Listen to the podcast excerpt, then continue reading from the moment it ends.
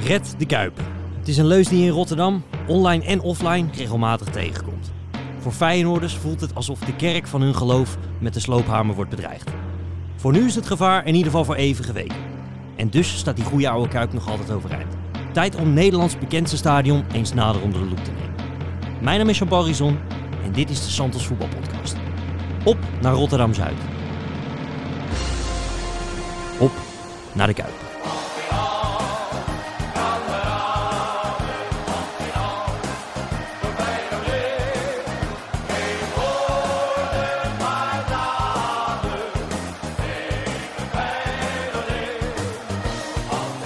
En vandaag word ik bijgestaan door Bart Vlietstra en Sjoerd Mossou, beide hoofdredacteur van Santos. En toch ook wel een speciale gast, eigenlijk die, die eigenlijk altijd een beetje wel tot het eh, circus behoort. Uh, maar die kunnen jullie ook kennen van de Willem en Wessel podcast. Uh, is daar de drijvende kracht achter de podcast. En hier ook, Bob Jongeneel. Want ook Feyenoorder, hè? Ja. ja, ik, dan hoef ik het aan jou niet te vragen. Maar dan vraag ik het eerst even aan de journalisten onder ons. Sjoerd, de Kuip. Hoe magisch is het er nou nog als je daar komt? Um, je hebt ook een tijd in Rotterdam gewoond. Dus je, hebt, ja. bent er een miljoen keer langs gereden. Je bent er als, voor je werk vaak geweest. Het is op speciale avonden of speciale dagen is het nog steeds magisch. Zoals laatst bij de kampioenswedstrijd. Uh, je hebt ook Europa Cup avondjes nog dit seizoen gehad. En dan is het iedere keer weer magisch. Het is niet, uh, niet meer magisch bij Feyenoord Volendam in, uh, in februari. Dat, dat, dat, vind ik niet. maar het blijft het meest bijzondere stadion van Nederland. En ook het mooiste. Jij Bart? Ja, met afstand. Ik, was la ik ben de hele seizoen eigenlijk, het laatste seizoen uh, steeds bij Feyenoord thuis geweest. Het laatste seizoen zeker. En uh, na die kampioenswedstrijd uh, werd ik naar uh, AZ PSV gestuurd. Nou, en dat was, een, dat was echt niet normaal gewoon. Daar stond gewoon voor AZ stond daar de derde plek op het spel. Hè? En je hoorde helemaal niets bijna. De hele wedstrijd niet, behalve toen Ajax achter stond. Toen begon het ineens te leven. Dat was geloof ik de 60ste, 70ste minuut. zit daar natuurlijk toch? Die hebben allemaal klappen gehad van die Engelsman. Ja, dat zijn, hoeveel zijn dat er 13 of zo? ja, die bleven, dat, dat, dat plukje bleef leeg. Maar ja, als, als, in de, als, als bij Feyenoord de derde plek op het spel staat, ja, dan, dan is het anderhalf van tevoren gaat het al helemaal los. Dat, dat contrast was uh, gigantisch. Hoe is dat voor jou, Bob, als, als, als supporter? Wordt het, het is natuurlijk nu, Feyenoord hebt de win mee, mogen we wel zeggen. Um, wordt het meer, wordt het minder? Want je wordt natuurlijk ook wat ouder, dus het maakt misschien wat minder indruk op je dan vroeger. Ja, maar je vergeet het allemaal niet. Ik weet nog precies wat mijn eerste wedstrijd was. En tegenwoordig kom ik er dus ook wel eens als hij leeg is. En ook dan maakt hij verschrikkelijk veel indruk op me. En dat, ja, dat wat je zegt in het begin, je moet het aan mij niet vragen. Nee. Want, want ik vind het elke keer weer fantastisch. Ja, maar juist, daar zit je hier ook voor. Jij, ja. bent, jij bent voor de traan. Ja, jij moet nou, eigenlijk huilen van geluk zo meteen. Als het ja. die kuip gaat. Uh, we willen ja. ook alle clichés even horen van Feyenoord. ben je niet voor je lol. En die, die Kuip, ja, ik zag hem duizend keren. Dat, dat, dat, dat willen we ook een beetje van jou horen. Maar... Ja, de, de, avond van de, van de PSV 10-0 heb ik een kaartje gekocht voor de wedstrijd op woensdag. Dat verhaal. Ja, ja, ja, ja Tegen VVV. Ja, dat, dat, dat, dat Winnende goal 3-2. En dan krijg je ook kippenvel als je over de Van Brienen Noordbrug rijdt. nee, maar kijk wel altijd even of die er nog ligt. Oh, ja, dat doe ik ook. Zeker. Ja, dat doet denk ik. Maar dat is wel voetballiefhebber. Ja. Dat. ja. Dus uh, die beroemde anekdote van, van kort na het bombardement. Dat, de speler weet ik even niet, maar die gaat dan op een bootje kijken of de, of de Kuiper nog wel ligt. Ja. Michel van Egmond vaak verteld. Mm -hmm. Maar goed, Willem van Hanegem vertelde me twee weken geleden nog... dat hij elke keer als hij over de Brienenoord rijdt... blij wordt als hij de Kuip ziet liggen. Ja, dat, ja, het blijft bijzonder. Zeker, nee, dat, dat heb ik ook. Maar uh, die, die, eerste keer, vertel. Wanneer was het? Uitslag? Oeh, 2002, 2003. Ja. Dus ik was 7 of 8. Uh, het was niet warm. In zo'n kameraadjeswedstrijd was het, geloof ik. Dus ja, het was wel voor de Eredivisie, maar er mochten heel veel jonkies komen. Volgens mij was het tegen RKC en Pierre van Hooijdonk. Dat heeft het meeste indruk op me gemaakt. Bleef na de warming-up nog even vrije trappen oefenen. En uiteindelijk wonnen ze door zo'n vrije trap van Pierre van Hooijdonk. Nou ja, dan, ja, dat, en ook klaar. geen goede wedstrijd. Uh, wat zal het zijn geweest? Of zal wel 2-1 dan zijn geweest of zo. Uh, maar dat, dat, die, dat, dat zo'n speler na de, na de warming-up nog bleef warm schieten, dat is me altijd bijgebleven. Dat is een beetje Tadic af van la lettre, zeg maar. Maar goed, dat is misschien een beetje vloek in de kerk uh, tegenover zou, zou ik hem niet mee willen vergelijken. Nee, nee, nee. uh, maar we zitten hier natuurlijk met uh, twee... Jij bent, jij bent de jongste van het gezelschap. Ehm, hebben jullie die oude Kuip nog een beetje meegemaakt? Ja, nog net. Toevallig is mijn eerste herinnering aan de Kuip... heeft ook met Pierre van Hooydonk te maken. Maar die speelde toen nog bij NAC. Toen was, Het snorretje nog? Ja, ja die, waren, die waren toen net gepromoveerd. En toen uh, gingen, er was een enorme hype rondom NAC in die tijd. Want het was jaren geleden dat ze Eredivisie speelden. Ze gingen toen met, echt met duizenden, duizenden mensen naar de Kuip. En dat kon toen ook nog, omdat... En dat is ergens bijna niet meer voor te stellen voor de wat jongere supporters. Maar de Kuip zat in de jaren negentig verre van vol, meestal. Uh, in die tijd, en dat was toch ook niet een hele slechte tijd, want Feyenoord werd in 93 gewoon uh, landskampioen. Um, maar was het heel gebruikelijk dat er ongeveer 25.000 mensen zaten. Dus er was plek zat. Dus in dit geval NAC, wij konden geloof ik drie vakken of zo. Dus, dus niet alleen het uitvak, maar ook de twee vakken ernaast. Plus eronder. Dat, waren, dat was helemaal uitvakken. Dat konden ze gewoon uitbreiden. En toen zat er ook nog geen dak op. Dat weet ik ook nog heel goed dat je over die rand kon kijken. Aan de bovenkant. Je kon naar buiten kijken aan de als achterkant. je ja. aan de achterkant stond. En dan zag je gewoon dat, dat, dat voorplein waar dan uh, Feyenoord hooligans uh, uitdagende middelvingers stonden op te steken. Dat heeft enorme indruk gemaakt, want ik was uh, denk ik 14 of zo. En dan zie je dat voor het eerst. En um, het, de Kuip nog zonder dak. En, en, en daardoor was het ook wel zo dat het geluid toen voor je gevoel een beetje wegwaaide, letterlijk af en toe. Ik denk dat het dak wel goed heeft gedaan qua akoestiek. Maar had het toen ook echt wat bijzonders? Ik kan me er zo weinig bij voorstellen. Um, nou, het was vooral heel groot.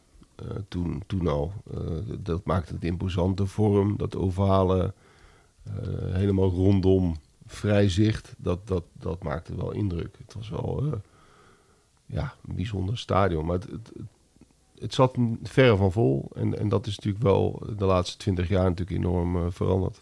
Bart, jij komt uit de buurt. Ja. Hoe was het voor jou? Ja, bijzonder. Ik kom er al in de jaren 80 kwam ik er al voor het eerst. Volgens mij in 1985, Feyenoord Ajax 2-3, Marco van Basten. Ik zie Stelly Menzo nog zo staan in een, uh, in een heel geel, uh, gele outfit. We waren uiteraard te laat. Mijn vader uh, is een notor te laat komen. Ehm, dus dat, dat, dat maakte heel veel indruk. Nog veel meer indruk maakte in 1987 een wedstrijd voor het AD-toernooi. Toen een heel groot AD-toernooi met grote clubs. In de voorbereiding? Voorbereiding op het seizoen. Uh, volledig besnoord Feyenoord. Uh, dat vond ik al heel goed. Veel matjes ook. Um, er was Feyenoord Real Madrid. En um, mijn vader die dacht uh, voor een dubbeltje op de eerste rang te zitten. goedkoopste kaartjes gehaald. Dus we zaten vol in vak S. Um, en ik was negen. Dus ja, dat ging erop, jongen. Echt iedere keer als Feyenoord scoorde, echt werd je naar voren geknald tegen die hek aan. Allemaal bier over je heen. Ik vond het echt doodeng. Ja. En uh, nou ja, Schuster SS werd er gezongen en uh, Hugo Sanchez K, Mexicaan. En dan niet kut. Nee, nee, nee, nee, nee.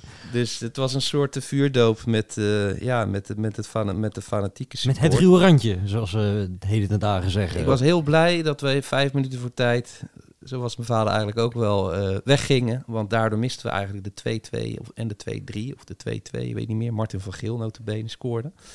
En toen ging het helemaal los. Ik was dolblij dat ik buiten stond. Ik heb best wel, ja, wat Sjoerd ook beschrijft, het, het, het zat zeker in de jaren 80 en zeker ook met die HCS-periode, volgens mij was dat begin 90, helemaal leeg. Overal vieze bruine stoeltjes. Was het toen nog zo in die eerste jaren dat, uh, ja, er kwam dat ook zeg maar die, die tribunes nog niet waren doorgetrokken? Nee, klopt. De parterrevakken, ja. die had je nog niet. Die had je nog niet. Dat was best wel een heel eind, denk ik. Ja. Ja, volgens mij in, in, zeg maar in 93 wel, maar daarvoor niet. Nee, 93 was die grote verbouwing al, hè? dacht ja, ik. Dacht, de eerste dag. En in 99 ook nog één. Um, maar goed, uh, uh, dat was echt uh, ja, gewoon een zee aan bruine stoelen. En dan Feyenoord Den Bosch. En dan 1-3 verliezen ook nog door, door Henk Grim, volgens mij. Henk Grim? Ja, daar kreeg je niet echt een warm Feyenoord gevoel van, hoor. Helemaal niet. De dag echt van, wat is dit voor een rare club? Uh, er, er zit één of twee vakken zitten vol met, met, uh, met, met bloedfanatieke gasten. Complete gek. ja, en voor de rest was het redelijk leeg. De club stond natuurlijk volledig op omvallen ook, die HCS-tijd. Je zag overal van die blauwe HCS-borden. was zo'n beetje de enige die er nog instapte. Het was een drama. Dus het was een gekke periode om, uh, om in de Kuip te komen. Echt het totale het tegenovergestelde bijna van, van nu. Ja, ik uh, kwam ook een beetje rond de eeuwwisseling. Een beetje net iets eerder dan, dan, dan Bob. Uh, Feyenoord NEC 2001. 5-0 was het jaar dat, uh, dat ze uiteindelijk de Europa, de Europa Cup gingen. Of de UEFA Cup heette dat toen nog dat ding. Ja. dat ze die gingen winnen. En daarna heb ik eigenlijk al een hele korte tijd een, een stoomcursus Kuip gehad. Want we mochten met Utrecht drie keer naar de Kuip. ik heb er mijn grootste voetbaltrauma ooit meegemaakt in de vorm van Ene Wamberto. Uh, en een jaar later... Uh, was het, mooiste... buitenspel, denk je? Ik, ik denk dat het net buitenspel was uh, van meneer Kloeg. Dat, dat is me vaak genoeg toegezongen door Ajax-vriendjes. Heb je de lijntjes getrokken of niet? Ja, het was geen VAR, hè, dus we zullen het nooit zeker weten. Maar ik heb daar echt staan huilen als een klein kind. En uh, een vriend van mij uit die tijd, die werd toen live op SBS 6 in beeld genomen. En daar hebben we hem jarenlang mee gepest dat hij zat te huilen in de arm van zijn vader. Ja, dat jochie was 11.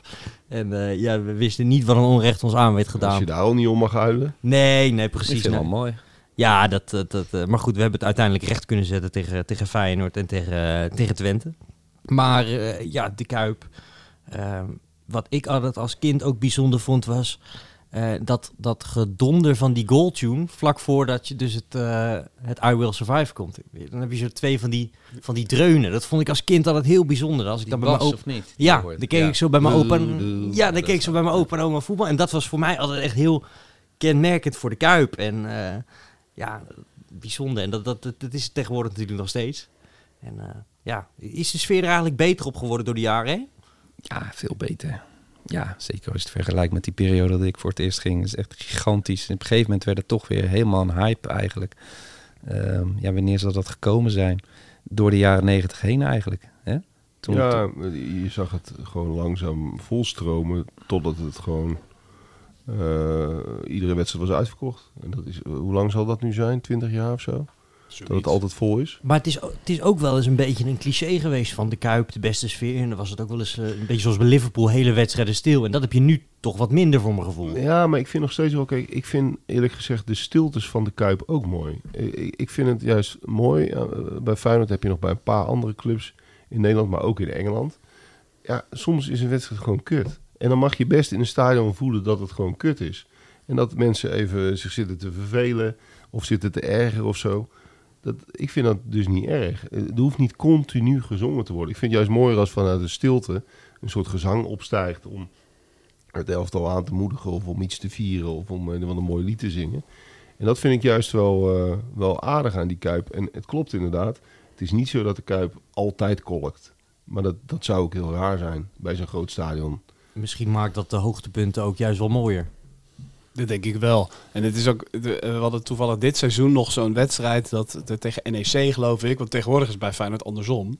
Dan sta je wel eens gewoon een, eh, een minuut of eh, dertig lekker te kletsen met de gasten met wie je bent. Want ze staan al 3-0 voor. Ja, ja dat is en toen, kreeg, die, toen, uh, toen ja. kreeg NEC het voor elkaar om een hele stoere tweetjes te sturen met... Het uitvak heeft tenminste wel de hele wedstrijd zich laten horen in tegenstelling tot de Kuip. Dat ook was, ja, oké, maar we stonden na 40 minuten met 2-0 voor en het werd 3-0. Dus we hadden gewoon een leuke middag, maar...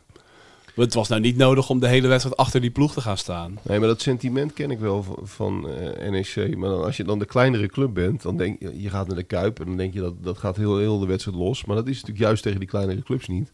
Waardoor het uitvak, die voelt zich dan uh, sterker worden en die gaan dan lekker uh, consequent zingen.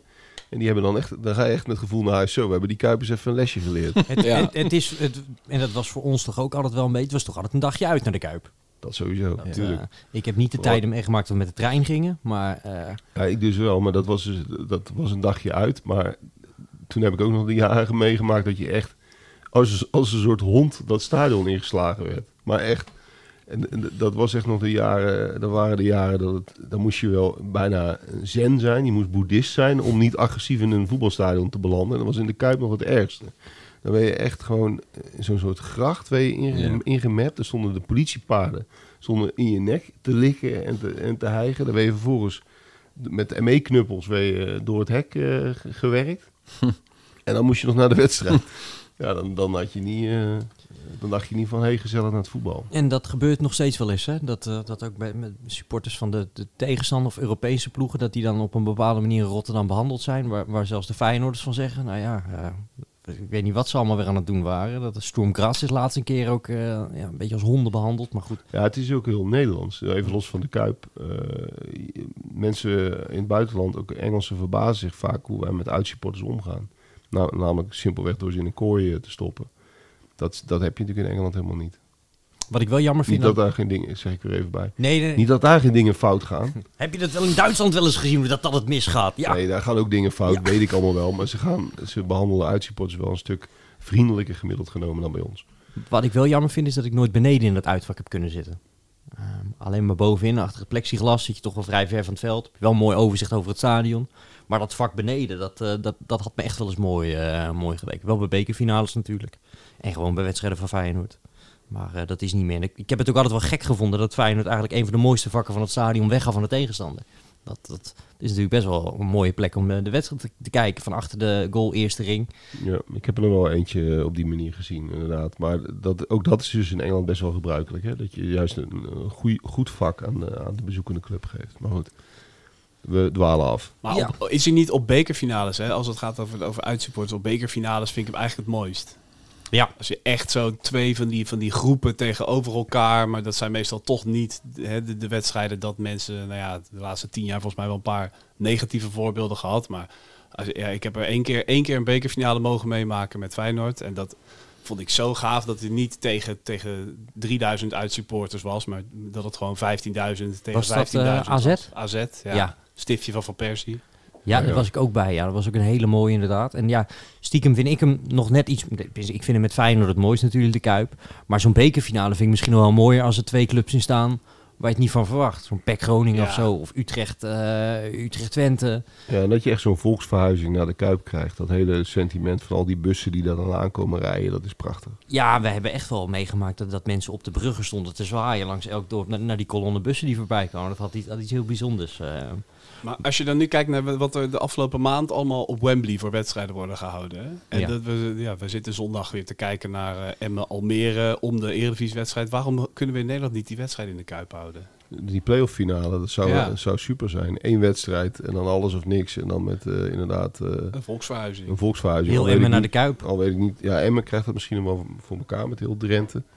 Maar bij Almere komen gemiddeld 2000 mensen. Maar maar ik bij vind Wembley, wel een tof idee. Bij Wembley heb je dan toch ook niet uh, de bovenste ring per se open? Wel voor de, de grote wedstrijden, maar dat is toch ook niet als uh, Carlo en Stockport... Uh... Nee, klopt. En dan, dan is Wembley eigenlijk te groot. Dat, ja. dat, dat, dat, is ook wel zo. Maar goed, ik, ik, de Kuip zou nog best wat vaker gebruikt mogen worden als een soort nationaal stadion. Ik vind het een uitstekende aanvulling van jou in deze podcast. Nu al, Bob. Dit, dit idee gaan we, gaan we pitchen bij de KNVB. Hey, en Bob, als, als, jij als supporter, hè, want ik, ik kom er alleen voor mijn werk. maar hoe ziet jouw ritueel eruit uh, op een wedstrijddag? Waar ga je naartoe eerst? En, en, welke plekken rondom of in de Kuip zijn jou het meest dierbaar? Ja, uh, uh, sowieso jarenlang was een van mijn meest dierbare plekken de, de man op de hoek aan de gele zijde aan de tramkant. Ja. Die heel hard programma's riep. Ja, ja, ja, ja. ja. En de, toen moest ik om het, want ik, ik zit op de blauwe zijde, dus dan kom je met de tram aan en dan moet je dus om het stadion heen lopen. Even voor de mensen die niet uh, de, de kleuren in de kuip op orde hebben. De blauwe zijde is de... Olympiazijde of ja, de kleuren weet je de, spoor, de kant van het spoor. Ja, de kant okay. van het spoor is de blauwe kant. Dat ja. is de Olympiazijde. Ja, en daar... Uh, daar zit ik op het terrevak, dus daar, daar loop, loop je altijd om de kuip heen. En dat is altijd, ik vind altijd, de tram moet je op fijne dagen een beetje tegen kunnen. Vind, ik, niet alle liedjes die dan gezongen worden, doe ik aan mee. Want dat vind ik soms een beetje kinderachtig, uh, gezanik. Over Ajax gaat het meestal. Ja. In plaats van over Feyenoord. Ja. ik zing liever een lied over Lutje Heel Geertruida dan over Tadic, maar goed. We kunnen ons er iets bij voorstellen. Ja. maar de, verder is het sfeertje, dat is wel lekker. Zeker als de, zodra de tram stopt bij het stadion, weet je dat er iemand heel hard hand in hand inzet. Dat is altijd lekker. Vaak dezelfde. Ja, ja, misschien gaat die wel gewoon op en neer met die tram. Dat ja, die gewoon daarna weer naar zijn Rotterdam Centraal gaat, dat hij pas de laatste minuut het stadion inloopt. En uh, dan loop je om dat stadion heen. En ik vind dat altijd wel mooi dat je even op die, op die trap stil kan staan. Dan heb je even overzicht over alle mensen die op dat plein staan. Ja, in principe is verder om de Kuip eigenlijk alles wat niet werkt, maar altijd heel erg dierbaar. Namelijk het, het cliché van de koude kroket. Je kan, ik, ik kan niet in de rust uh, pissen en bier halen. Dat, dat kan niet. Je moet iets kiezen. Je. Nee, je moet iets kiezen. en, maar goed, we zitten er nu tien jaar, denk ik. Dus het, ga, het gaat nog steeds soepeler. En uh, iedereen kent de weg. Maar ik, ja, wij komen uit Leiden met een groepie. En eigenlijk is die reis er naartoe in de trein. En op echt belangrijke wedstrijden is er eentje heel zenuwachtig. En eentje praat het altijd goed. En eentje is al, heeft al met 3-0 verloren. Weet je, die, die tradities, dat, die, die vind ik heerlijk. En dus de man met programma's, die, uh, maar hij staat Pieter Bietser. Ja. ja. En die, die letters met stadion Feyenoord. Ja, ja. Dat is die kant, de Olympia kant. Maar ook het feit dat dat er al stond, wel in de oertijd, hè? Ja, ja. dat is een schitterend beeld. En die letters die steken zo prachtig af tegen die staalconstructie aan de buitenkant. Het ziet er echt prachtig uit. Bovendien die Olympiazijde, uh, waar Bob het over heeft en waar, die, waar jij dus ook zit. Dat is sowieso, vind ik, dat de mooiste kant van het stadion. Ook door die Olympiazaal die je daar hebt, met die glas- en loodramen. Dat is ook uh, een soort uh, openlucht... Ja, het is, een, het is niet openlucht, het is een soort museum. Een soort museum, ja. Um, ja, dat, dat gewoon prachtig is. En daar voel je de, echt nog de oude, oude Kuip. En um, die wordt soms een beetje vergeten, lijkt het wel. Het is natuurlijk veel lang over een nieuw stadion gegaan. Maar dat is zo'n ontzettend mooie plek. Ook uh, als jij door de week uh, met je bedrijf uh, een borrel wil of wil vergaderen. Ik wil niet reclame maken voor de, het vuren van die ruimte. Maar het is echt een prachtige plek. Je zit onder de, onder de tribune. En het heeft echt iets, iets jaren 60 achters. Ja, het is echt een heel mooie. ja, het is een oude hoofdtribune. Dat, dat zie je daar ook heel erg aan terug. Maar dat blijft uh, ook een van de mooiste plekken van de Kuip. Ik heb ook wel eens op die, uh, dat is net onder waar de, de, de, de, commentator zit. Daar heb je ook zeg maar de oude VIP-tribune. En dat zijn dan van die, ja, een beetje nog, uh, dat zijn echt volgens mij de stoeltjes uit de, de, jaren voor de verbouwing. En dat, dat was, was ooit heel deftig, maar nu zit je er een beetje op een paar stoelen die een beetje naar de knoppen zijn. Wat ik ook typisch Kuip vind, is dat je daar nog steeds je kaartje aan iemand afgeeft voordat je naar binnen gaat. Nou, daar heb ik heel slecht nieuws voor je. Nee. Dit jaar is er een pilot gestart. Oh jee. Oh jee. Waarop je uh, dus, nou, en het nog meer iconisch Kuip is inderdaad dat je tot vorig jaar nog niet eens een, uh, hè, op je telefoon kon laten scannen. Nee, nee. dan moest je kaartje printen. Ja. Die heeft er nog een printer. Ik ben op een gegeven moment heel blij dat ik er hier op kantoor eentje had. Ja. Maar dit jaar is er een pilot gestart met het scannen van QR-codes. Oh wordt, wordt er eens wat met die club, hè? Nou, God, trainetje blijft. En, en, volgend jaar moest je zelfs voor je seizoenskaart, uh, weet ik veel, uh, 3,48 euro bijbetalen als je nog een pasje wilde. Want in principe was de pilot geslaagd, dus kreeg je een QR-code. Oh, dat vind ik ook wel een hele slechte, slechte ontwikkeling. Als, uh... Dat is pijnlijk. Maar laten we snel weer over de mooie dingen van de Kuip. Wat, wat, wat vinden jullie, wat maakt nou dat stadion qua architectuur zo speciaal? Wat is nu wat het, wat het magisch maakt? Waar zit dat nou in? Nou, wat ik dus, en ik ben dus wel van na de verbouwing uh, een kind. Uh, maar die dakrand vind ik zo verschrikkelijk imposant. Uh, en met name bij avondwedstrijden, hoe dan dat licht weer kaatst op die dakrand. dat, vind, dat vind ik echt een geweldig gezicht, vind ik dat, om, om maar een detail te noemen. Ja, het is natuurlijk ook helemaal vrij zicht, hè? Dus je hebt helemaal rondom vrij zicht. Zit er geen palen in de weg of niks, hè, toch? Ja, het Maasgebouw aan de voorkant alleen. Ja. ja. dat vind ik trouwens wel echt een, een, een, minpunt. Dat als je bij de Kuip op de bovenste rij van de eerste ring zit... dan kan je net het doel aan de overkant zien. Maar verder zie je geen reet. Ik heb daar uh, Feyenoord NAC halffinale beker nog een keer gezeten. Ja, dan zie je dus echt helemaal niet. zit die bovenkant van de eerste ja, ring in die bovenkant de eerste ah, ring ervoor. Dan mis je oh, eigenlijk de helft. Ja.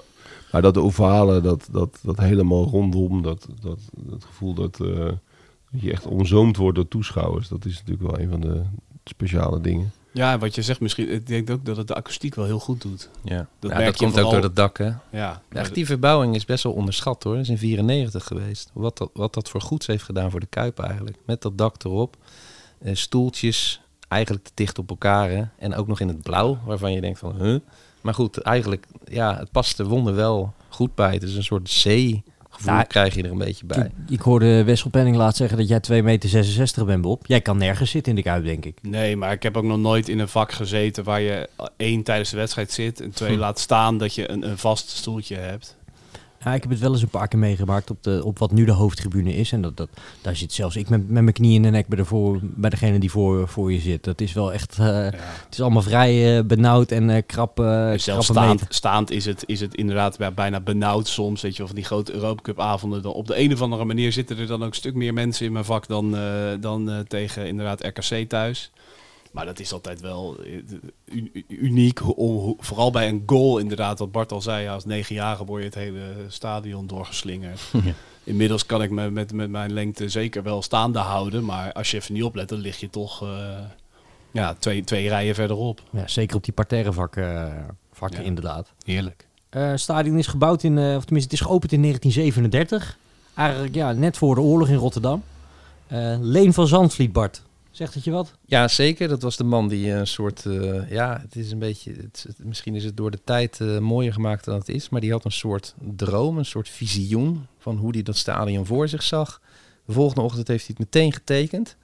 En ja, dit was het helemaal. later kwamen er wel verhalen dat het wel heel erg geïnspireerd is op Highbury. Hè? Eh, is die ook geweest, hè? Ja. Nou ja, ja, dat zijn dan verschillende verhalen over. Maar die man is wel de grote drijvende kracht erachter geweest. Hè. Een beetje op zijn Rotterdams, nog zo'n vreselijk cliché, maar goed. Uh, een, mouwen opstropen? Mouwen opstropen. Handen een plan maken ja. en meteen uitvoeren. De laatste bouwtekeningen moesten nog gemaakt worden. Terwijl de bouw al volop bezig was. het is ook echt heel snel gebouwd. Ja, het is razend. En ook de verbouwing was razendsnel. Ja. Hè? Acht maanden. Maar het was zo snel gebouwd dat ze gewoon angstig waren of het het allemaal wel zouden, zouden houden. Of, of zoveel mensen eruit. Dus wat hebben ze gedaan in 1936? Hebben ze 1500 Rotterdammers, eh, werklozen en, uh, en zeelui, hebben ze daar naartoe gelokt. En gezegd van nou gaan jullie maar eens uh, heel hard springen op deze houten, uh, hout, allemaal van hout was het toen nog. Staal en hout. Ga jullie maar eens heel hard springen en helemaal gek doen. En nou ja, dat, dat lukte. Toen hebben ze allemaal een borren en een sigaar gekregen als beloning. En toen wisten ze van nou, het is, het is wel redelijk uh, mensenproof. 1500 is vrij weinig, want toen al hadden, ze hem, hadden ze voor grote aantallen gebouwd. Maar goed, ja, het moest allemaal snel, snel, snel. Het moest snel klaar. Het is, ja, en het is goed gelukt natuurlijk. Nou, wat, wat jij nu zegt, dat is eigenlijk wel misschien een beetje... Jij, jij vroeg Sjoerd, wat maakt de Kuip nou de Kuip? Dat is misschien wel die vibraties. Dat als er gescoord wordt tegen een Roma of tegen een Marseille... dat uh, nou, bij jullie de laptop van tafel waait... en dat je zelf ook staat, staat mee te hossen, of je nou wil of niet. Zeker. De tv-camera's kunnen het niet stilhouden. En dat komt natuurlijk door die staalconstructie. En, de, en het staal is natuurlijk ook heel erg wat de Kuip speciaal maakt. Als je er van de buitenkant omheen loopt. Dat, he, dat is wel het vorige week over San Siro. Wat San Siro met beton heeft, heeft de Kuip eigenlijk met staal. Ehm, het is heel herkenbaar daardoor. Ehm, die, die trapconstructies aan de buitenkant, dat is echt uniek. Dat heb je bij volgens mij geen één stadion op die manier. En daardoor uh, past het, het stadion past ergens wel een beetje in het rijtje met San Siro, vind ik ook. Heel herkenbaar heel imposant groot. Ook een beetje in, in, afgelegen gebied uh, natuurlijk gebouwd. Uh, er komt steeds meer bij.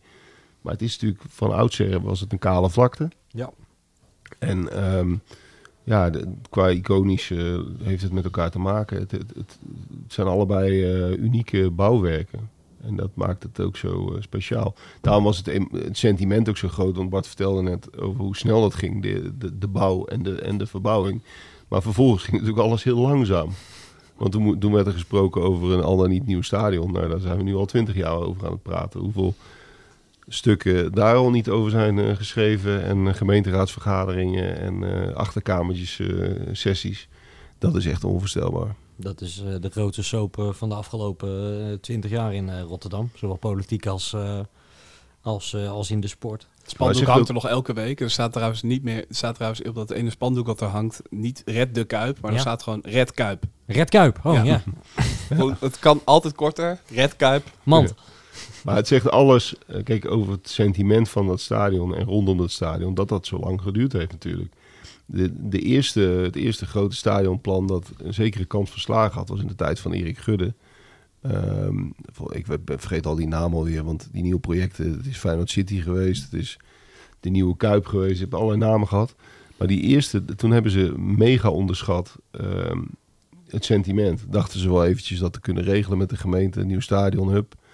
Toen werden ze volledig ingehaald door, uh, door de realiteit, namelijk dat gewoon uh, er een hele grote groep was die, uh, die dat ten koste van alles wilde blokkeren, die nieuwe, dat nieuwe stadion. Maar iemand die, die nog veel beter kan vertellen over de architectuur van de Kuip en wat daar zo speciaal in is, is natuurlijk onze huisvriend en fotograaf Willem de Kam. Ja, diehard Feyenoorder, uh, fotograaf, vriend van Santos. Ja, Willem, wat maakt die Kuip zo speciaal? Of uh, is dat niet zo kort samen te vatten? hey jongens. nou, dat is wel, nou, het is wel in principe in heel kort samen te vatten. En dat is sowieso dat ik vind dat het, het is functioneel gewoon het beste voetbalstadion. En uh, dat, de, zeg maar, dat is niet per se het, misschien het mooiste. En het is ook niet per se het best onderhouden stadion, zeg maar. Maar voor gewoon als jij uh, de, op de meest intense manier voetbal wil beleven, dan is Kuip daar het allerbeste voor. En waar, we, dat, waar zitten we dat in? Uh, dat je veel te dicht op elkaar zit. Dat je eigenlijk ook niet weg kan. Uh, dat, dat, je geen, geen, dat er geen mogelijkheid is om de wereld buiten het veld te zien. Uh, even kijken wat er nog meer. Nou ja, en doordat die, die, die ringen zo aaneengesloten zitten, maakt ook dat je één massa bent. Uh, het, het, is zeker, het is een beetje een soort van vergelijkbaar met een concert, zeg maar. Als, als je daar te veel ruimte tussen elkaar hebt en het gaat niet los, zeg maar, dan, dan denk je ook, ja, ja, dat was wel oké. Okay. Dat is misschien mooi gespeeld. Maar als je echt iets wil beleven, dan moet de hele boel ontploffen met elkaar. En uh, als je dan veel te dicht op elkaar staat, heb je toch eigenlijk meestal het gevoel dat het, dat het intenser is. En bijzonderder dan dat als er grote gaten vallen, zeg maar. Maar jij zei ook een keer, en volgens mij sluit dat hier ook helemaal bij aan, de, alle zichtlijnen lopen naar het veld. Ja, ja dat is zoiets dat je gewoon on, on, on, onderbroken naar het veld over. Ja, nu met die netten wordt het net iets anders. Maar uh, normaal gesproken, ja, keek je natuurlijk inderdaad wel gewoon in, in alles. Kijk je recht op het veld. Je hebt geen palen ertussen nergens. En ook geen dode hoeken. Uh, alles is zo efficiënt mogelijk ingedeeld om zoveel mogelijk mensen zo goed mogelijk naar het veld te kunnen laten kijken. Het is geen toeval dat jij de Kuip zo vaak fotografeert, want het, het ja, het is jouw club. Uh, maar is het ook een, een, een, heel fotogeniek stadion? En wat, waar zit dat uh, ja. eventueel in? Voor mij wel. Maar ik fotografeer natuurlijk niet vanaf het veld, maar meer vanaf de tribune. maar even kijken. Nou ja, het licht is sowieso altijd schitterend. Uh, en nu ze met die ledlampen erop hebben gezet, die, daar zijn heel veel fotografen heel blij mee. Omdat er net even nog wat meer licht vanaf komt. En dat geeft net wat meer contrast, ook op de mensen eromheen. Daar uh, ben ik op zich ook wel tevreden over. Het enige wat ik altijd vind, wat echt nog steeds de grootste schande is wat ze ooit hebben gedaan, is dat die, de twee ringen, zeg maar, die zou, waren vroeger, zat daar een soort glas tussen. Waardoor de, de tweede ring was echt een zwevende ring. en daar kwam ook nog licht onderdoor.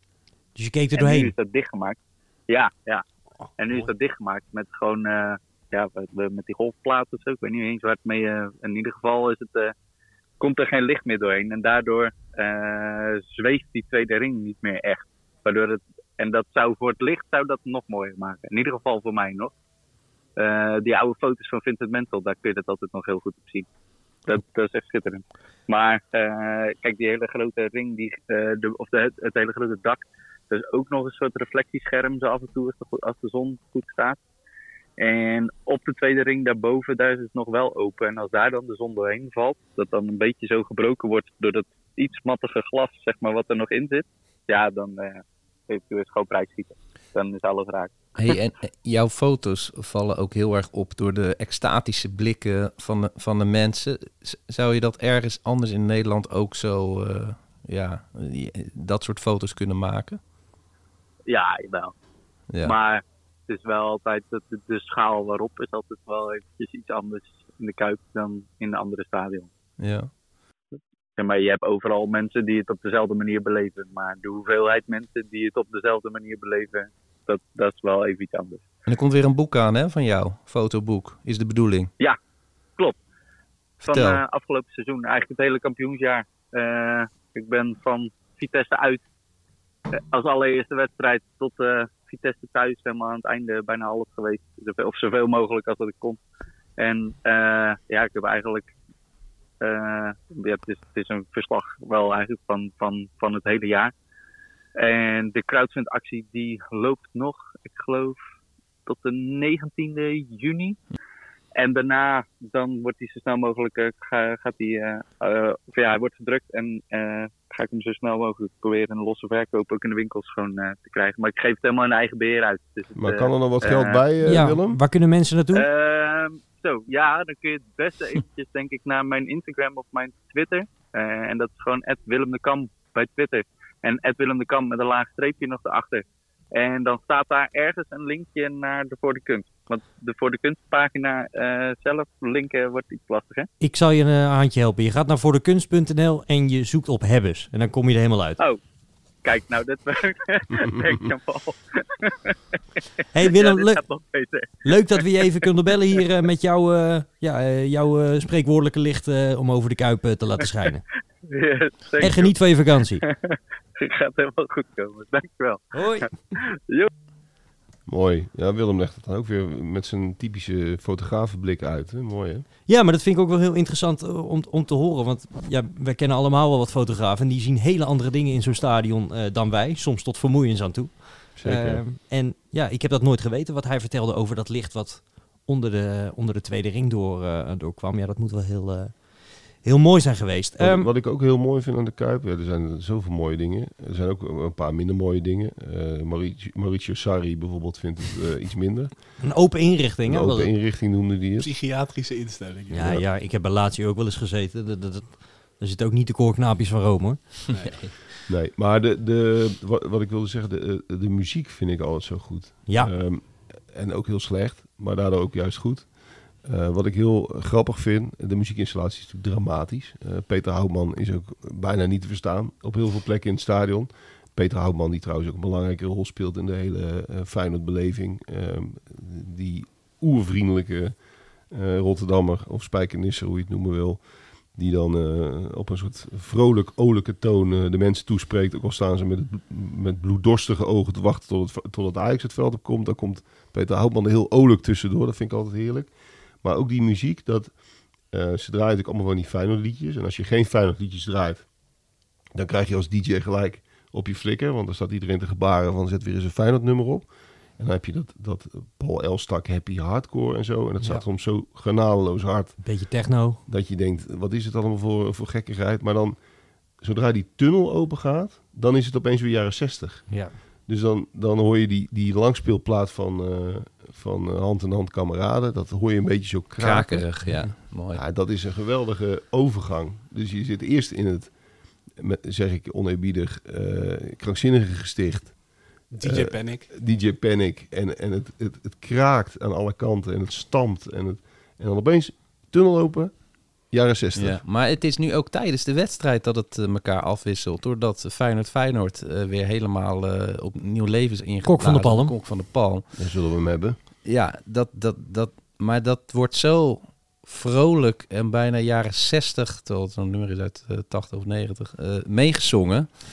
Dat geeft het bijna een polygoonsfeer weer. En Inhaken en meedijnen. Ja, en, en vooral als ze dan alleen maar la la la ja. gaan zingen. Ja, dan is het echt inderdaad meedijnen. En zijn, uh, zijn, zijn kleindochter die heeft uh, dat lied nog een keer vertolkt uh, met, met vrij hoge stem. Uh, ja, dat, dat, was, dat was helemaal alsof Mies Bouwman daar, een jonge Mies Bouwman daar stond om... Uh, nou, kom op jongens, we gaan het gezellig maken. Zo'n sfeertje hangt er dan. En doordat, doordat lied weer terug is gekomen... Sowieso vind ik dat ze bij Feyenoord heel veel originele liederen hebben. Hè? Want bij de meeste clubs uh, pakken ze gewoon een melodietje van iemand anders... en verzinnen er zelf wat op. Dat is eigenlijk alleen dat Sweet Caroline en Mijn Feyenoord... Maar voor de rest hebben ze echt heel veel uh, originele uh, liederen. Er is ook een, een Feyenoord lied, die is dan ook een beetje zo, net zoals Sweet Caroline, maar die is op een CCR-nummer. En die is, kan ik nergens vinden, maar die wordt altijd, als je een beetje vroeg bent, dan wordt er nog echt goede muziek gedraaid. Dat is een ja. beetje voor de, dat de hardcore aangaat, ja. Maar dit, dit is, er wordt een CCR gedraaid. Ik heb ook wel eens na een wedstrijd, dat heeft de DJ ook altijd geniale keuzes. Volgens mij hebben we een keer 3-0 van Ajax verloren. En toen zei hij gelijk na het laatste fluitsignaal ongeveer in excess met Never Tear Us Apart aan. Ja. ja er, zitten wel, er zitten wel slimme jongens achter. Goeie, goeie, af en toe echt wel goede muziek. Ik moet DJ Bootsy Paul, hè? Ik, ik wil wel uh, toch een lans breken, ook voor de hardcore. Want er, er is geen muziekstroming die zo duidelijk uit Rotterdam komt als de hardcore. Zeker. En zeker op bepaalde avonden draagt het wel echt bij aan... Ja, Mauricio Sarri noemt het een gesticht. Maar ja, wees er maar niet van onder de indruk als je als uitsupporter of als uitploeg, beter gezegd, uh, ja, die klep gaat omhoog. En ja, dat stadion is al uh, redelijk dat, dat, dat, dat, is natuurlijk ook helemaal waar. En het kan ook heel imposant zijn en, en uh, zelfs vrolijk. het enige wat ik, wat ik altijd gek gevonden heb, ze hebben toen die wedstrijd in Rome gehad met die fontein, dat gezeik. Ja. En dan speelden ze daarna thuis. En toen lieten ze DJ Panic nog even het publiek tot een soort ongekende hoogte dat was nog opzwepen. nodig. En dat ik dacht van ja jongens, als je toch in het bestuur... Kijk, ik vind het prima voor de supporters, maar als je toch in het bestuur van Feyenoord zit, dan denk je toch even, hmm, misschien moeten we dat deze keer even niet doen. Ik heb ook wel verhalen gehoord dat daar inderdaad echt Italiaanse journalisten met open mond naar stonden te kijken inderdaad. Ja, want die, die, er was van tevoren al heel veel uh, soort van vrees dat het mis zou gaan. En vervolgens uh, werd het een soort uh, openlucht uh, Thunderdome. Maar goed, maakt niet uit. Het is over het algemeen geweldig. En het allermooiste, en daar ben je natuurlijk ook bij geweest, vond ik de Kuip ehm, bij Feyenoord Heracles, het kampioenschap in 2017. Ja dat, ja, dat was enorm bijzonder. Het was dit jaar ook te gek, maar dit jaar was het echt een soort een feest. Al vanaf het begin. Echt een feest. Nee, maar dit jaar wist je dat het ging gebeuren. Daarom, en iedereen was uitgelaten en vrolijk. Er was eigenlijk ook geen spanning. Dus iedereen liep bij spreken de Polonaise naar het stadion. In 2017 had je de combinatie tussen feest, dat werd het uiteindelijk, maar ook nog echt nervositeit, echte spanning, druk erop. Dat was helemaal uh, Het meest iconische voorbeeld van die, die dag is gewoon dat je echt, zelfs nu nog op de tv-beelden, volgens mij vond ik er laatst eentje dat de commentator zelfs weg is die, seco die seconde stilte tussen Kuit die de bal raakt en dat hij het net raakt, die is er echt. En dat, dat is zo bizar. Dat een, dat zo een collectieve hartstilstand. Ja.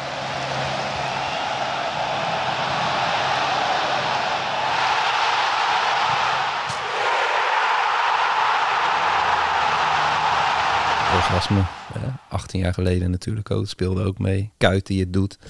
Ja, dat, dat, dat is echt ongeëvenaard uh, slot. En dat was dit jaar toch wel uh, iets anders. Maar juist door, door, door het superieure, superieure fijne dit seizoen... Uh, ja, was het een, al een soort hele lange opmaat naar die wedstrijd toe. Wat natuurlijk ook wel uh, vrolijkmakend was. En, en die nederlaag tegen Excelsior was toen natuurlijk ook... dat ja. speelde ook mee, hè? Toch ja. een beetje angst. Zeker, maar, maar, maar, toch, maar toch had je...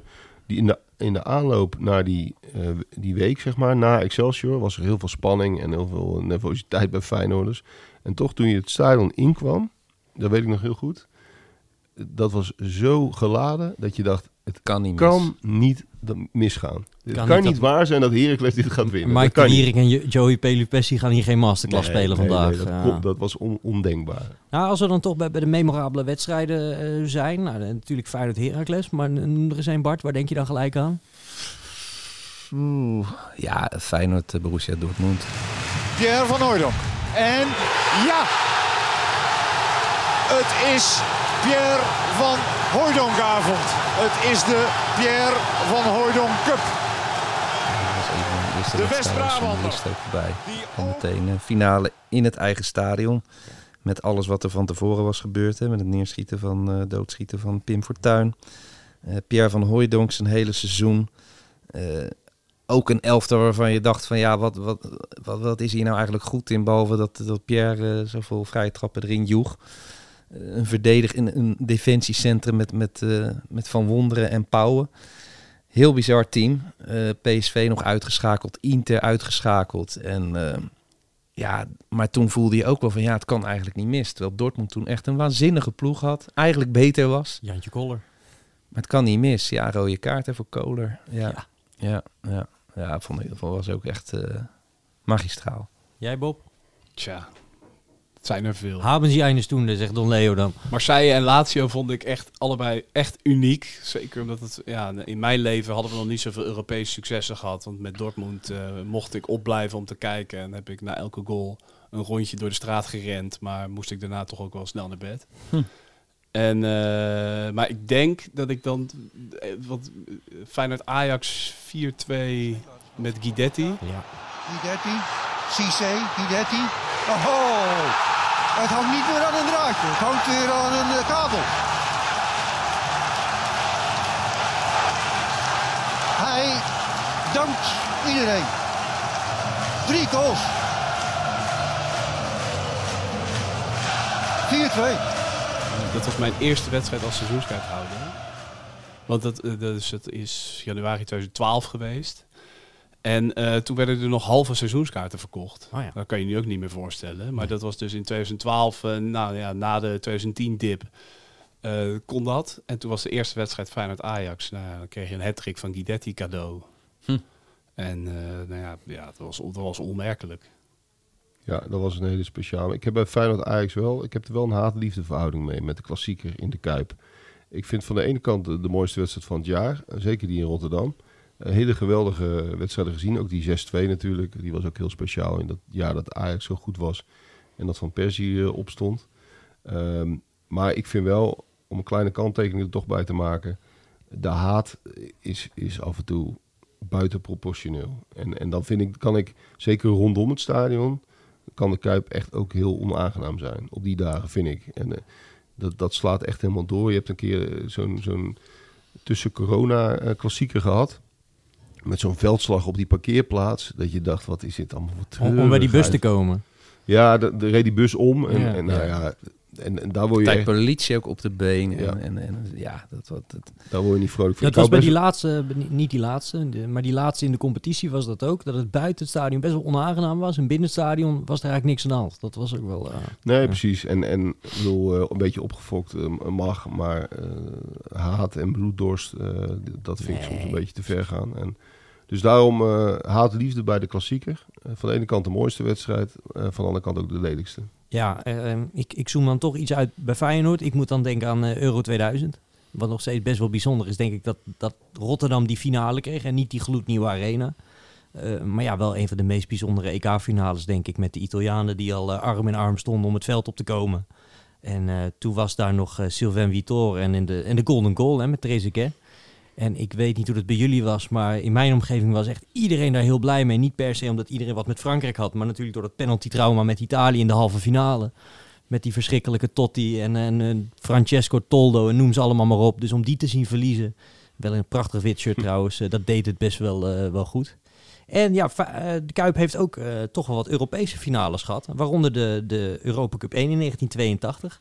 Aston Villa, 1-0 tegen, tegen Bayern München. Voelt ook uit een ander leven. Laatst waren er nog Aston Villa supporters in, uh, in Rotterdam om, om nog een soort eerbetoon te brengen aan die finale. Dat was natuurlijk uh, eh, 40 jaar geleden. Ja, ik meen ook dat, ik meen dat, ook dat dat Chris van Nijnatten was, die dat wel eens verteld heeft, dat hij daar gewoon ja, op de scooter naartoe is gegaan en een kaartje kocht. Ja, dat kon. Voor de Europa Cup 1 finale. Ja. ja waanzinnig. Concert van Kane, moeten we ook niet vergeten.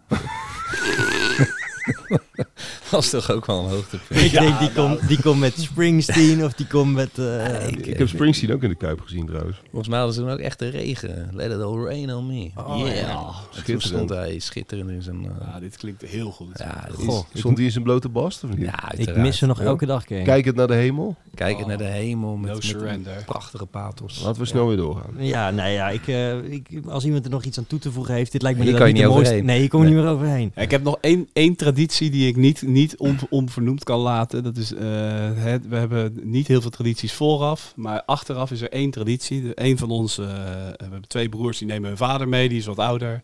En uh, die gaat na de wedstrijd altijd even rustig plassen. Nou, dat duurt even. En als hij dan terugkomt, dan staan wij te wachten voor die, ja, tussen de letters en de ingang van het stadion. En daar heb je ook het beeld van Koemelijn. En elke wedstrijd voordat wij naar, weer naar de trein lopen, geeft hij even Koemelijn een schouderklopje is toch een man die nog, uh, nog uh, volgens mij in zijn pyjamaatje naar de Europa Cup 1 finale heeft zitten luisteren. Ja. Die dus elke wedstrijd, nou dus dit jaar zeker twintig keer even Koemelijn een schouderklop heeft gegeven. Dat, dan ben ik altijd gelukkig als ik dat weer even zie. Dan kunnen we weer naar huis. mooi, mooi, mooi. Dat, is inderdaad wel, uh, wel heel mooi. Ja. Nou, dan gaan we het ook gewoon niet over dat lelijke beeld in de, in de gang hebben, Bart. Dat, dat, uh... dat vind ik wel mooi juist. Nee. Jawel, ja, maar jij bent niet de kunstkenner, dus ik, ik ga met jou helemaal niet in conclave. Dat snap jij ook. Ja. Maar dat vind ik zo'n afschuwelijk ding. Ja, ik vind het wel wat hebben. En, het Maasgebouw hebben we het er niet over gehad. Varkenoord hebben we het er niet over gehad. Over de Kuip kun je wel drie uitzendingen maken. En uh, hoe je er naartoe gaat, het beste manier om daar naartoe te gaan? Altijd via de stad gaan. Ja, via met de watertaxi vind ik het leukste eigenlijk. Heb ik nog nooit gedaan. Maar wat ik altijd mooi vind, en dat is, uh, wij parkeren dan altijd in Vreewijk en dan over het spoorviaduct lopen. En dan, ja, die foto heb ik ook denk ik al een miljoen keer in mijn telefoon staan. Uh, maar die maak ik toch elke keer weer. Ja, ja. het oude trainingsveld, Paul voor de Kuip, dat was ook altijd mooi. Dan kon je gewoon iedereen spreken nog toen. Dat is echt ongelooflijk. Nou, je vrijdagmiddag, ja, moet Paul Bosveld even hebben. Nou, dan sprak je hem gewoon aan. En nu spreek je helemaal nooit iemand meer. en dan, moest, dan, moesten die nieuwe spelers, die, uh, die moesten dan altijd door de mensen, tussen de mensen doorlopen. Ja. Gary Steas kan ik me nog zo goed herinneren. Dat was toen, uh, die, wel, die was zo gehaat voordat hij überhaupt begonnen was. Die moest toen na zijn eerste zijn eerste training toelopen tussen een woedende menigte door dat van die arme jongen. Ja. Dat was een hele vriendelijke De aardigste Griek die jij je kan voorstellen, inderdaad. Ja. Heel zachtaardig. Ja. En die moesten allemaal eh, tussen die mensen door. Dan wist je van tevoren dat het niks zou worden. Ehm, ja, ik eh, ben misschien niet helemaal objectief, maar wat mij betreft eh, mag de Kuip eh, nooit verloren gaan. Want, en je ziet ook in zoveel landen dat het ook gewoon kan. Ehm, toch een mooi stadion dat, dat weer op dezelfde plek verrijst. Eh, je hebt het bij eh, sommige stadions zijn helemaal tot de grond afgebroken, zoals, eh, zoals White Hart Lane. Maar het moet wel altijd op die plek blijven voor mij. Nou ja, wat mij betreft blijft het ook gewoon de Kuip. Maar Ja. het, het, het lastige is natuurlijk, en dat heb ik ook altijd wel een beetje begrepen. Kijk, Enfield kun je verbouwen per tribune. En dat doen ze natuurlijk ook. En Bernabeu ook, Nou Kamp. Ehm, bij de Kuip is dat wel technisch heel lastig door de constructie zoals die is. Maar eh, het blijft stom en stomzinnig dat ze dat stadion zo hebben laten verloederen. In de periode dat al die, die, die plannen steeds sneuvelden. En dat is natuurlijk ergens wel schandalig hoe dat stadion er nu aan toe is. Dat is echt gewoon bewust. Hebben ze het gewoon laten, min of meer laten verkrotten en eh, hebben ze er helemaal niets meer aan gedaan. Terwijl iemand zei ooit een keer van, eh, toen ging het over eh, het gebrek aan sponsorfaciliteiten. Ze hadden twintig jaar geleden al een tweede Maasgebouw aan de Olympiazijde neer kunnen pleuren. En dan had je al een heel groot gedeelte om, als overbruggingsperiode opgelost. Dat was heel simpel geweest. En niet per se mooi en niet perfect, maar wel, eh, wel heel praktisch. Dus ze hebben zoveel kans laten liggen om dat stadion in ieder geval een beetje up-to-date te houden. Ik, ik mag hopen dat dat eh, de komende jaren alsnog eh, gaat gebeuren. Ondanks het gebrek aan geld. Bob, seizoenkaart verlengd? Tuurlijk. Ja, denk jij nou? Ja, nee, dat, dat zou wel heel raar zijn. Eh Uber voetbalhipster als je na dit jaar had gezegd van... Ja, eh, dit nu, was het, jongens. Nu, nu hoeft het van mij niet meer. Het grote lijden is afgelopen, dus ik stop er ook mee. Nou, Ja. ik heb dus wel een paar vrienden die, ehm, die zijn dus eh, toen eh, Feyenoord in de donkere jaren zeiden ze altijd als Feyenoord ooit kampioen kan worden gaan we op de fiets naar Rotterdam. Nou, dat is vanuit Utrecht een kilometer of 60. En eh, nou, toen stond het dus te gebeuren. Maar die hadden wel echt in het jaar na de titel wel dat er iets van ze afviel in die zin van het, het, het, het doel was bereikt of zo. En die zijn er ook niet heel lang daarna toch mee gestopt. En Ik weet niet of het een met het ander te maken heeft, maar ik kan me er ergens ook wel iets bij voorstellen. Als jij Ja. constant denkt van ja, wij moeten dat bereiken en zo. En dan ben je het in één keer. Maar nu is het doel gewoon de Champions League winnen, toch Bob? In principe wel. Ja. Ja. Slot blijft, Champions Ja. League in. Waarom niet? Nee, dat moet eigenlijk allemaal wel goed komen. Trouwner als, eh, als ijzeren Rinus met die, met die cup eh, onder zijn arm. Nou ja, Je hebt nu in het Maasgebouw, als je de roltrap omhoog gaat, daar hebben ze een hologrammetje gebouwd. Ook zoiets wat zo erg niet bij Feyenoord en de Kuip past. Maar daar is dus een heel, klein hologrammetje. Dat wordt waarschijnlijk door de sponsors er neerzetten. Dat is Trauner, dus drie keer zo'n bal omhoog gaat kop in de tijd dat jij de roltrap opgaat. Ja, dat is zo onwerkelijk dat dat ook in de Kuip gebeurt. In, dat, ja, in, dat, datzelfde stadion waar je dus eh, ja, die drie bierkraampjes voor, voor 20.000 man hebt. Het is, het is een onwerkelijke plek. Oh, mooi dat ze Trouwner hebben uitgekozen. Ja. Toch niet de meest eh, fotogenieke jongen. en ook niet de meest technische van het elftal wellicht. Nee. Mooi. Brasserie de Kuip hebben we het ook nog niet over gehad. De, de- het eetcafé in het stadion waarvan je nooit weet of het open is. nee. Nee. De helft van de tijd is dicht, plomp verloren. Ik zou in principe er wel van uitgaan tegenwoordig dat het dicht is hoor. Het is meestal dicht. Ja. Waarom? Ja, ze hebben altijd eh, diners daar zo Ja. vaak, hè? Ja. Er zijn, eh, ik kom maar elke vrijdagochtend. En dan zijn er altijd partijen daar over de vloer. die dus dan waarschijnlijk ook in de avond de brasserie nodig hebben. Ja, maar als consument eh, heb je nooit een flauw idee van Nee, of dat je erin kan of niet. Hey, misschien een hele stomme vraag, maar waar staat die Europa Cup eigenlijk voor Feyenoord? in weet het Home of History, toch? Ja? Volgens Geen mij in het. Home of History. En dat is trouwens, dat hebben we ook nog niet eens benoemd. Dat is ook een hartstikke leuk museum. Kan je daar gewoon in? Daar kan je gewoon in. Zeker. Ja, En die rondleiding is ook best leuk. Ja, en dan sta je eh, oog in oog met de mail van Treitel. Kijk. Waarvan ze bij. Feyenoord zeggen dat dat de mail van Treitel is. En bij Sparta staat ook een mail. Ja. En daarvan beweren ze dat dat de mail van Treitel is. Daar komen we nooit helemaal uit. Schitterend. Jij er nog wat aan toe te voegen, Bart? Nee, dit vond ik een mooie uitsmijter. Ja, ik fiets altijd graag eh er naartoe eigenlijk. Over de Brien in Noordbrug. Ja. Altijd een mooi, mooi ritje. En eh, altijd eh, zo'n zo'n zo'n lampje eraan hangen, zeg maar. Dat is nog nooit gejat. Het valt me altijd op. Want dan kom ik dus een beetje als laatste terug, omdat ik dan nog een stukje moet tikken, helemaal bezweet. Om terug te fietsen. En dan denk ik van ja, nu zal het lampje er wel een keer zijn afgejat. Nee hoor. Zelfs na de grootste nederlaag, eh, mijn lampje blijft altijd aan mijn fiets hangen. Nou, Nou, ik, ik, mag ook wel eens gezegd worden. ik denk ook dat als het inderdaad crisis is bij Feyenoord, dan pakken ze niet jouw lampje. Dan pakken ze gewoon jouw hele fiets, denk ik, toch? We kennen allemaal de taferelen wel. eh, Dat is ook nog niet gebeurd. nou, gelukkig maar. Even afkloppen. Laten we hopen, eh, in ieder geval voor Bob, dat het eh, lang goed blijft gaan en dat die tijden uit een ver verleden blijven. Dit was de Santos Voetbal Podcast voor deze week. Ik zou zeggen, hartstikke bedankt voor het luisteren. Volgende week zijn we er weer. Tot dan.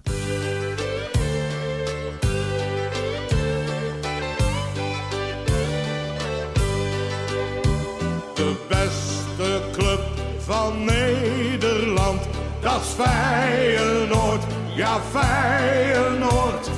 Kameraden hand in hand voor Feyenoord, olé.